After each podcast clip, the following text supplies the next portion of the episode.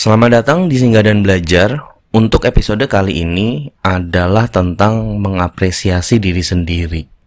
Kenapa gua ambil tema ini? Karena sebenarnya lanjutan sih. Kalau lo dengerin dua episode ke belakang, itu kan gue berbicara tentang gimana caranya memulai sesuatu, terus menikmati proses, terus beristirahat di tengah proses gitu-gitu. Dan setiap proses yang lo lakuin itu kan biasanya ada hasil yang akan terlihat.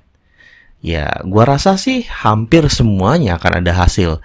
Terlepas ah, lu gagal atau hasilnya jelek, gak sesuai dan lain-lain gitu. Dan di sini yang pengen gua angkat adalah, yuk kita sama-sama mengapresiasi diri kita sendiri lebih lagi. Karena ternyata gua sendiri pun dan lingkungan kebanyakan itu banyak banget yang merasa atau kurang banget kita mengapresiasi diri sendiri. Efeknya banyak banget. Kita jadi cenderung nggak percaya diri, kita cenderung merasa kita paling bodoh, paling rendah dan lain-lain gitu. Ya beda ya sama orang yang narsistik atau yang kepedean gitu. Cuma ya di sini yang pengen gua angkat karena lo lihat kan ya postingan singgah dan belajar dari Spotify itu gue kaget gitu. Waktu gue sebenarnya nggak terlalu expect apa pun dan gue ngelihat juga ya udahlah yang gue lakuin masih amatir jadi gue rasa apalah gitu. Tapi cara Spotify mengapresiasi karya orang lain itu menurut gue membuat gue tersenyum. Karena salah satunya adalah Singgah dan belajar masuk di 20 besar shared globally. Jadi bayangin, misalnya per hari ini ada satu juta podcast yang ada di Spotify. Terus kalau 20 persennya, 20 persen dari 1 juta kan berarti 200 ribu. Singgah dan belajar itu berada di 200 ribu top. Yang shared uh, yang paling sering dibagikan secara global. Itu kan banyak ya. Maksudnya sesuatu yang wah banget buat gua gitu. Padahal mungkin 200 ribu ya itu juga kalau satu juta. Nah maksud gua cara ketika kita melihat sesuatu yang memuji bahkan kayak gini aja tuh gue merasa wih gue bahkan untuk singgah dan belajar aja apresiasi gue itu ternyata tidak sebanyak itu ya. Harus diingetin dulu sama Spotify gimana caranya gue untuk mengapresiasi gitu. Jadilah gue mengangkat topik ini karena pas juga nih ketika gue rekaman ini kan di akhir tahun dan di akhir tahun itu adalah buat gue adalah waktu yang pas untuk kita mereview apa yang udah kita lakuin di satu tahun ini ngeliat hal baik, hal jelek, kegagalan, keberhasilan, prosesnya yang nggak berjalan rencana dan lain-lain. Dan dari situ kita bisa mengapresiasi itu semua gitu. Kan nanti biasanya di Januari setiap tahun lu kayak punya resolusi baru tuh atau resolusi tahun baru. Entah itu resolusi yang udah lama ataupun yang sama. Ya terserah lo gitu. Tapi itu kan banyak banget yang kayak gitu ya. Dan resolusi gue juga banyak yang gak berhasil btw gitu.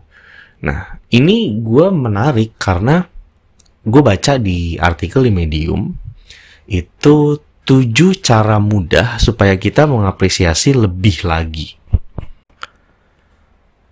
Jadi sebelum gue mulai nomor satu sebenarnya yang tadi gue kasih contoh tentang Spotify ini adalah salah satu langkah di mana lo seperti harus dulu mendapatkan approval dari orang atau recognition atau harus di apa sih harus dipuji dulu dalam tanda kurung oleh orang lain supaya lo sadar kalau ternyata lo punya nilai gitu.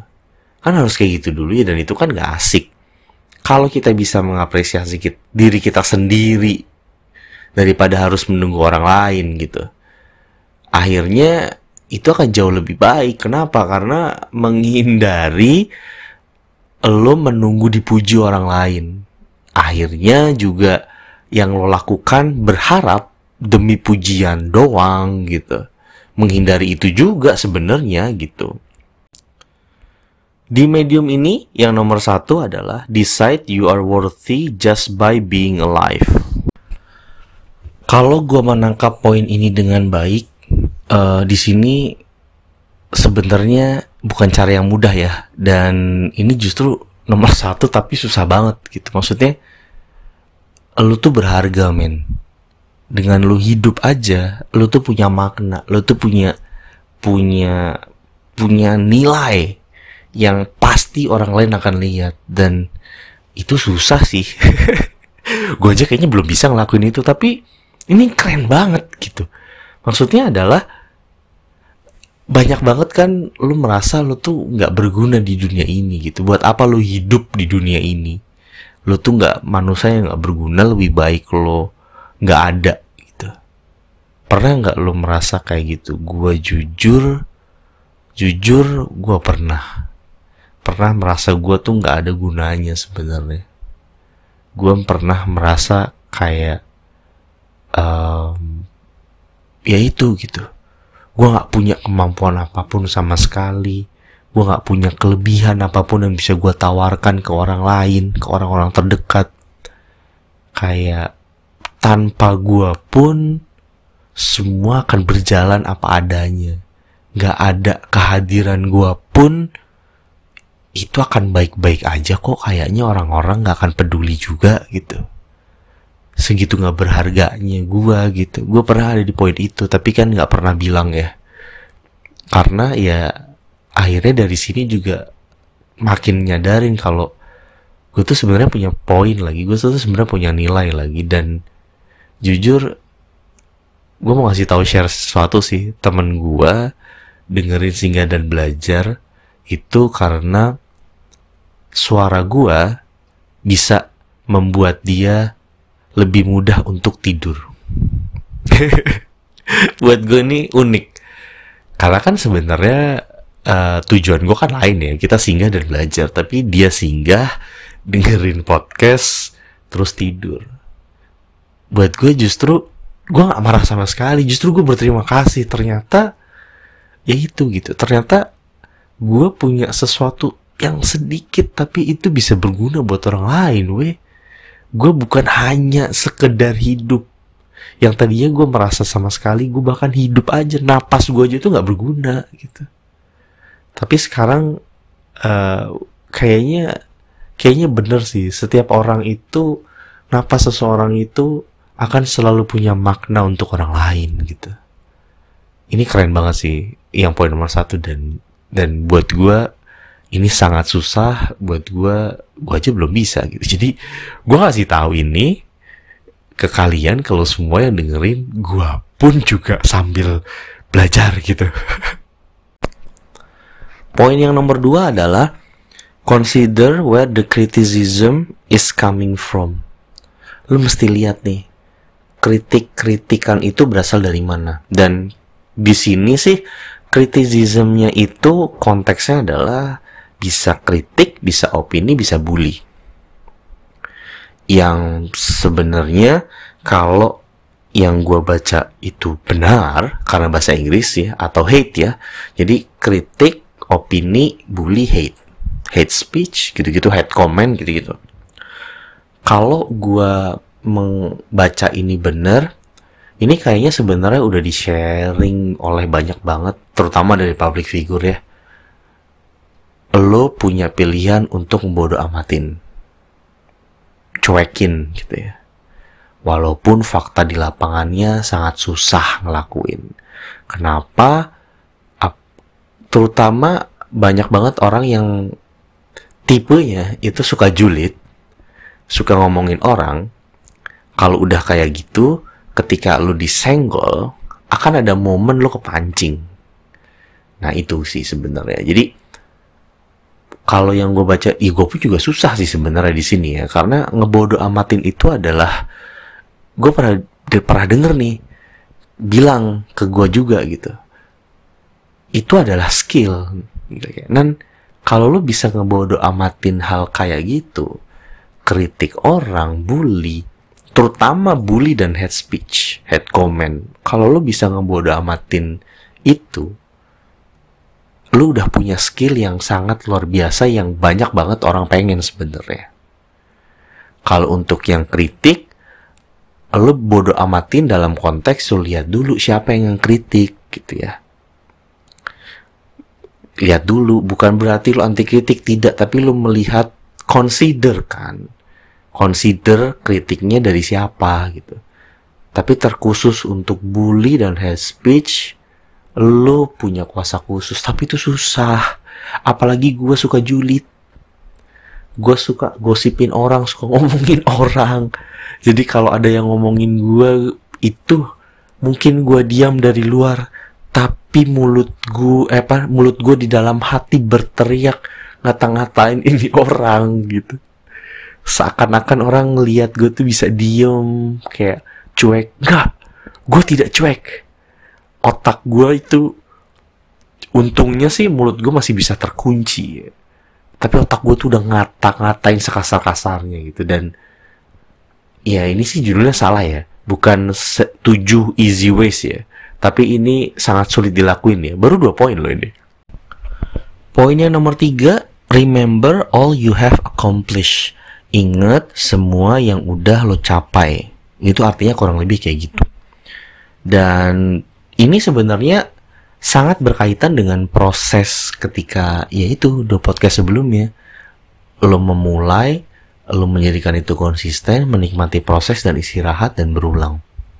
Dan dari semua proses itu kan akan banyak momen-momen yang bisa lo inget yang penting di sini adalah salah satu yang di artikel ini yang disebutkan adalah list catat termasuk hal kecil yang udah lo capai. Kenapa? Karena dari sini lo bisa kelihatan apakah yang lo capai ini membuat lo berkembang atau tidak, produktif atau enggak, dan lain-lain. Menjadikan lo manusia yang lebih baik atau enggak.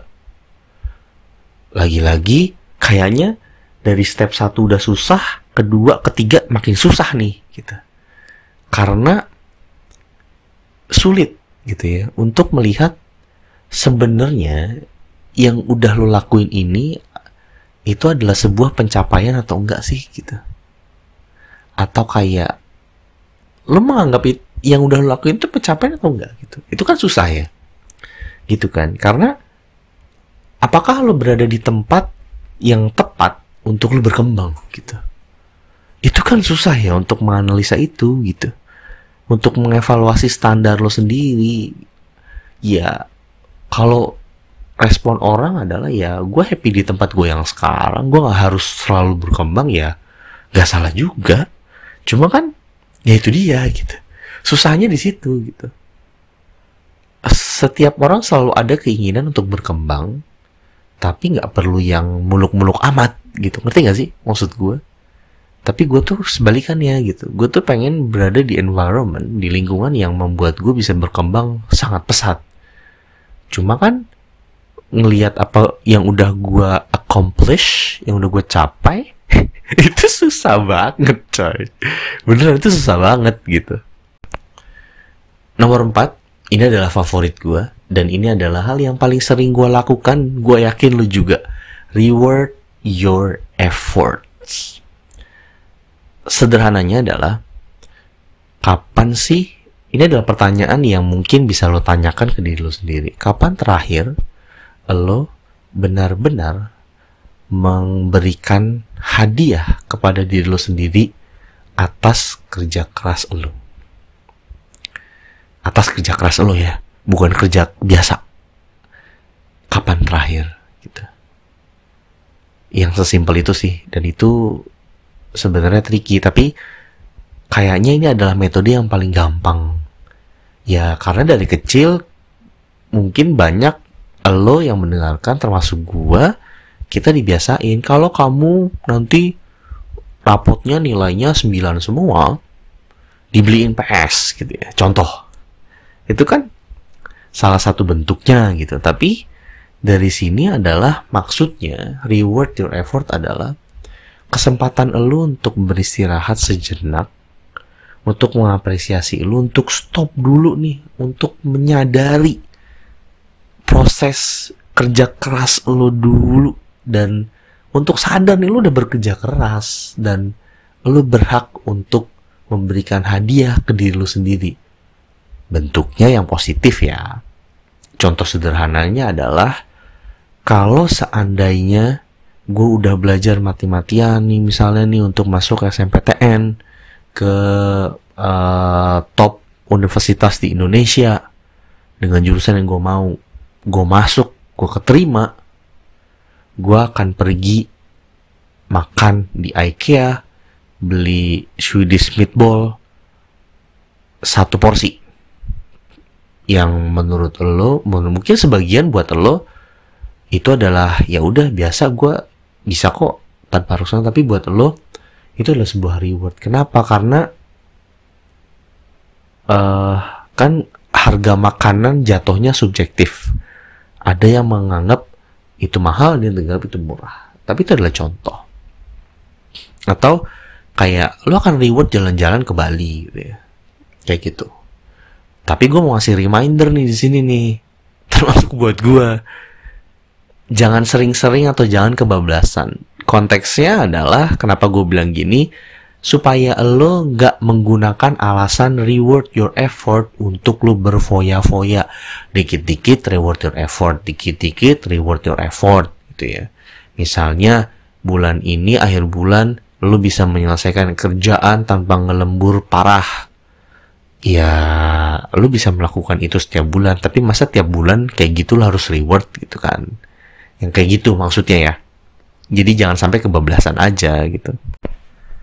Poin nomor 5 adalah stop judging yourself harshly. Jadi gini, ini pembukanya menurut gue menarik ya di artikel ini.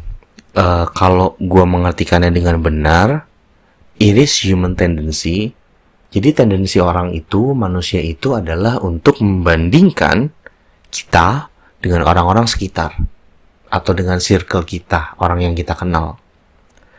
Di sini mungkin berguna nih kalau memang lo untuk mencapai tujuan lo. Contohnya adalah maksudnya kayak lo tuh bisa membuat perbandingan itu untuk jadi motivasi. Kayak misalnya gue pribadi nih, gue punya beberapa temen baik. Dia sekarang posisinya sudah bagus banget gitu dia lebih muda satu dua tahun dari gua tapi posisinya tuh udah bagus banget dan buat gua mungkin kalau gua men, apa namanya iri itu bisa. Tapi buat gua di sini gua ubah menjadi suatu saat gua akan mencapai apa yang dia capai dengan cara gua dengan tempat uh, dengan cara gua dengan tempat yang gue inginkan. Gue akan capai itu gitu. Kayak gitu sih maksudnya. Nah, cuma permasalahannya kan adalah kalau kita membandingkan dengan sekitar, akan selalu ada kecenderungan lu tuh menjadi merasa apa ya lu ngejudge diri lo itu tuh serendah itu gitu.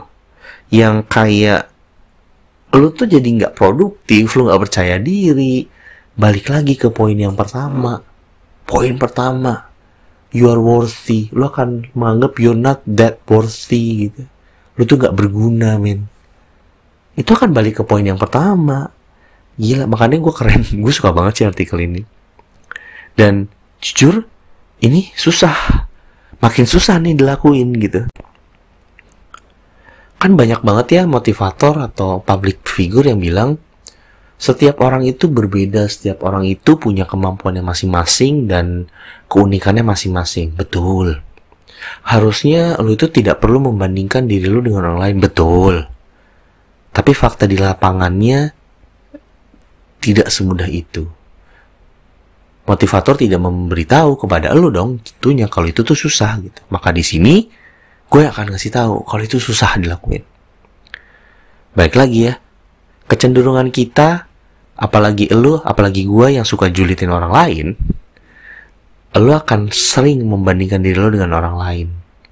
Dan dari pembandingan itu lo akan melihat bahwa lo akan selalu melihat orang lain yang di atas lo gitu ya. Karena kalau lo membandingkan diri lo dengan yang lo anggap di bawah lo ngapain gitu. Lo ngelakuin itu buang energi gitu. Ini real nih.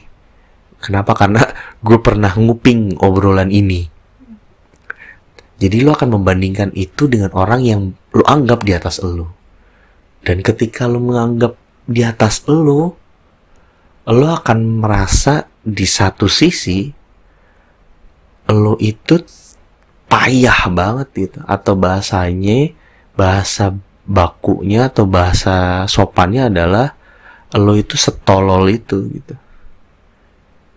Yang sama yang lebih muda dari lo tapi lo berada di level yang di bawah orang itu. Lebih parahnya lo merasa lo sangat-sangat tolol gitu kalau bahasa sopannya ya. Setolol itu gitu. Itu kan harsh banget ya. Dan dari situ ya efeknya akan macem-macem. Macem-macem banget gitu. Kayaknya gue gak mau melanjutkan ini ya takutnya vibe-nya jadi nggak bagus gitu. Tapi di situlah poinnya. Dan ini juga ya itu satu dua tiga empat lima susah banget nih. Nomor 6 appreciate all the good things in your life. Dan di sini ini kalimat pertamanya gue juga suka. Take time to notice how good your life is. Ambil waktu untuk lo menyadari bahwa hidup lo itu bagus. Bagus ini jangan lo pakai imajinasi dunia fantasi yang selalu happy, yang selalu bahagia tanpa ada masalah enggak. Karena gue pernah dikasih tahu gitu lebih tepatnya sih bukan ke gua ya tapi uh, sharing moment gitu yaitu apa pun yang terjadi di kehidupan dan membuat lo sampai di tahap sekarang kalau lo bisa menjadi karakter yang kuat yang strong yang tough yang apa yang tegas dan lain-lain gitu ya lo meng, lo mampu menghindari hal-hal buruk. Maksudnya lo serumit-rumitnya sekacaunya hidup lo yang lo seblang saatnya deh gitu ya. Separahnya kehidupan lo tapi sekarang lo berada di momen yang lo udah meninggalkan hal-hal buruk itu. Itu adalah sebuah hal yang harus lo apresiasi. Kenapa? Karena it's a good thing it's a good life. Kenapa it's a good life? Lu sudah melewati banyak banget pengalaman pahit gitu yang lu bisa mengubah atau apa ya turn the table around gitu. Ngebalikin keadaan. Coba lu perhatiin to notice how you, how good your life is gitu. Katain sih gitu ya. Tapi ya kayak appreciate the wise choice you have made. Keputusan-keputusan lo yang udah lo ambil kayak misalnya nih cerita uh, circle lo adalah circle yang sangat-sangat buruk ya. Uh, pecandu narkoba lah dan lain-lain nih. Itu tuh banyak tuh kan cerita-cerita public figure. Lo memutuskan untuk keluar dari circle itu untuk kehidupan yang lebih baik gitu.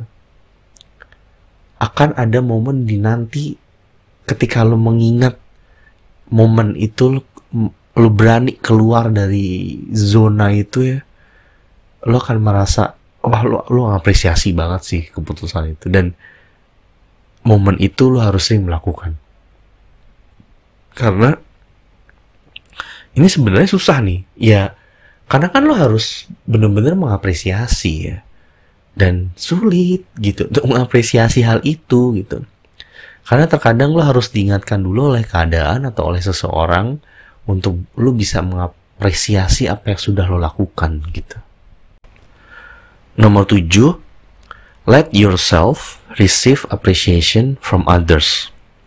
Di sini ada kalimat yang gue suka nih di artikel ini. We tend to deny compliments we are given from others. Kita, gua, lo, itu terkadang suka mendinai, menolak atau mengabaikan pujian baik yang kita terima dari orang. Kayak apaan sih lo? Segala kayak gitu. Kayak lo merasa diri lo tuh tidak pantas untuk mendapatkan pujian itu.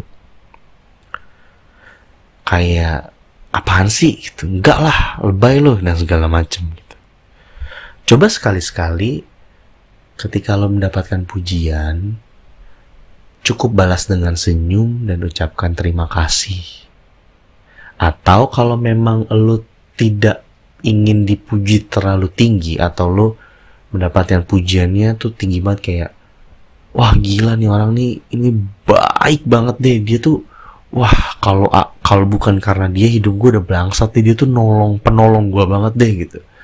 Misalnya lo dipuji setinggi itu ya lo bisa bilang enggak lah gitu. Kebetulan aja gue ada di situ saat lo butuh bantuan dan gue bisa bantu sebisa gue gitu. It's okay. Kalau bentuknya kayak gitu bisa. Artinya kan lo tetap menerima pujian itu cuma supaya orang sekitar uh, tidak menganggap itu sangat-sangat tinggi gitu. Kayak sebenarnya lu nggak pengen derajat lu setinggi itu gitu. Nanti orang-orang akan menilainya beda. Tapi yang yang dimaksud di sini adalah kita tuh kadang menolak atau mengabaikan gitu. Yang sebenarnya nggak apa-apa loh kalau lo mau menerima pujian dan ucapkan aja terima kasih. Kenapa? Karena kalau ada beberapa cerita gue lupa kayaknya siapa stand up komedi atau siapa gitu ya. Dia dipuji sekali kalau dia itu punya bakat dan kualitas yang uh, akan menjadi bagus karena omongan itu dia berlatih berlatih berlatih. Akhirnya sekarang mulai dikenal oleh banyak orang karena kemampuannya. Kayak gitu juga ada gitu kalau bukan karena orang memuji lo, misalnya tanpa sadar orang pernah muji lo, ini aja nih sama si Jono nih. Si Jono nih jago nih kalau misalnya dia uh, urusan otomotif, dia banyak nih ilmunya lo ke sananya ya gitu. Akhirnya dia banyak orang atau teman-temannya tuh percaya sama lo gitu. Kalau lo namanya Jono ya, contohnya percaya ke si ke lo kalau lo tuh yang lebih paham tentang otomotif gitu. Terus mereka berterima kasih karena berkat lo itu kan ya udah terima aja nggak apa-apa gitu. Tapi pengingat juga nih hati-hati tipis banget bedanya untuk bisa menyadari apa yang lo lakukan itu demi mendapatkan pujian. Gue tahu alasan lo tidak ingin dipuji adalah supaya lo menghindari cara ini. Betul. Gue juga merasa kayak gitu gitu. Supaya lo nggak haus pujian itu betul. Karena ini susah banget tapi sekali lagi yang uh, gue juga nangkep dari beberapa obrolan gitu ya lo perlu kok sekali-sekali untuk menerima pujian dari orang lain. Cukup dengan ucap cukup dengan tersenyum, balas dengan senyuman dan ucapkan terima kasih atas pujiannya. Udah itu aja. Nggak usah dilebih-lebihin, nggak usah diapa, cukup diterima dalam hati aja. Setelahnya, gitu sih. Dan ini ya, sampai gue harus menelan ludah dulu. Tujuh yang katanya cara mudah ternyata semuanya tuh susah banget gitu. Karena kayak kalau lo ingat-ingat ya satu contoh yang yang mungkin akan membuat lo tersenyum juga. Pernah nggak lo lagi makan di warung di warung makan di warteg di ayam penyet ayam pecel gitu-gitu dan segala macam lo lagi makan nih. Ada orang pengamen atau orang yang minta-minta. Pengamen deh. Terlepas suaranya bagus atau enggak. Beberapa refleks orang eh lo ada 2000 nggak kalau sama teman lo ya? Lo atau lo akan nyari ada 1000 nggak ya? Ada receh nggak ya? Koin gitu atau berapa? Lo ambil nih duit koin seribu perak. Lo kasih ke orangnya ke pengamen ini. Ketika lo ngasih kebetulan lo menatap mata si pengamen ini. Terus ketika dia ketika lo ngasih dia menatap mata lo waktu menerima. Terus diucapkan oh terima kasih bang gitu sambil tersenyum pernah nggak ketika momen itu lo merasa lega karena lo mendapatkan senyuman itu lo bisa merasakan kalau senyuman si pengamen ini adalah senyuman yang tulus. Dan itu adalah hal baik yang terjadi di lo. Dan hal baik ini mungkin buat lo seribu saat itu tidak seberapa. Tapi buat pengamen ini mungkin aja seribu saat itu adalah seribu yang sangat berarti. Ini kan adalah contoh yang sering banget dipakai oleh motivator. Tapi gue sekarang mengerti kenapa motivator suka banget kasih contoh yang kayak gini karena karena ini beneran untuk jadi pengingat gitu sehancur-hancurnya hidup lu di hari itu gue percaya ada satu kebaikan yang terjadi di kehidupan lu di hari yang sama. Dan buat gue buat gue lu memberikan sat, seribu koin ke pengamen tadi dan dia tersenyum ke lo itu adalah sebuah accomplishment dan pujian sekaligus. Dan hal kecil yang bisa lo ambil yang bisa lo ingat. Ingat dalam artian hal sekecil memberikan seribu rupiah itu ternyata bisa buat orang lain tersenyum. Men ya itu sih. Jadi gue mau mengangkat topik ini adalah karena jujur gue perlu untuk gue mengapresiasi diri gue lebih lagi. Karena yang tadi gue sempat bilang kan gue pernah berada di titik gue tuh merasa gue gak berguna. Mungkin lu juga sama dan gue gak pengen. Jujur gue gak pengen uh, lu yang mendengarkan mempunyai perasaan yang sama. Yuk gue mengajak lo semoga dari sini kita menjadi orang yang bisa lebih lagi mengapresiasi apa yang kita lakukan kita bisa mengapresiasi lagi diri kita sendiri dan sadar kalau kita napas kita saat ini itu punya makna, punya nilai, punya harga di dunia ini. Bukan untuk dijual, tapi punya value maksudnya. Berharga untuk orang lain, berharga untuk diri kita sendiri. Itu sih untuk episode kali ini. Sampai berjumpa di episode selanjutnya. Terima kasih sudah mau singgah dan belajar sama-sama. Bye bye.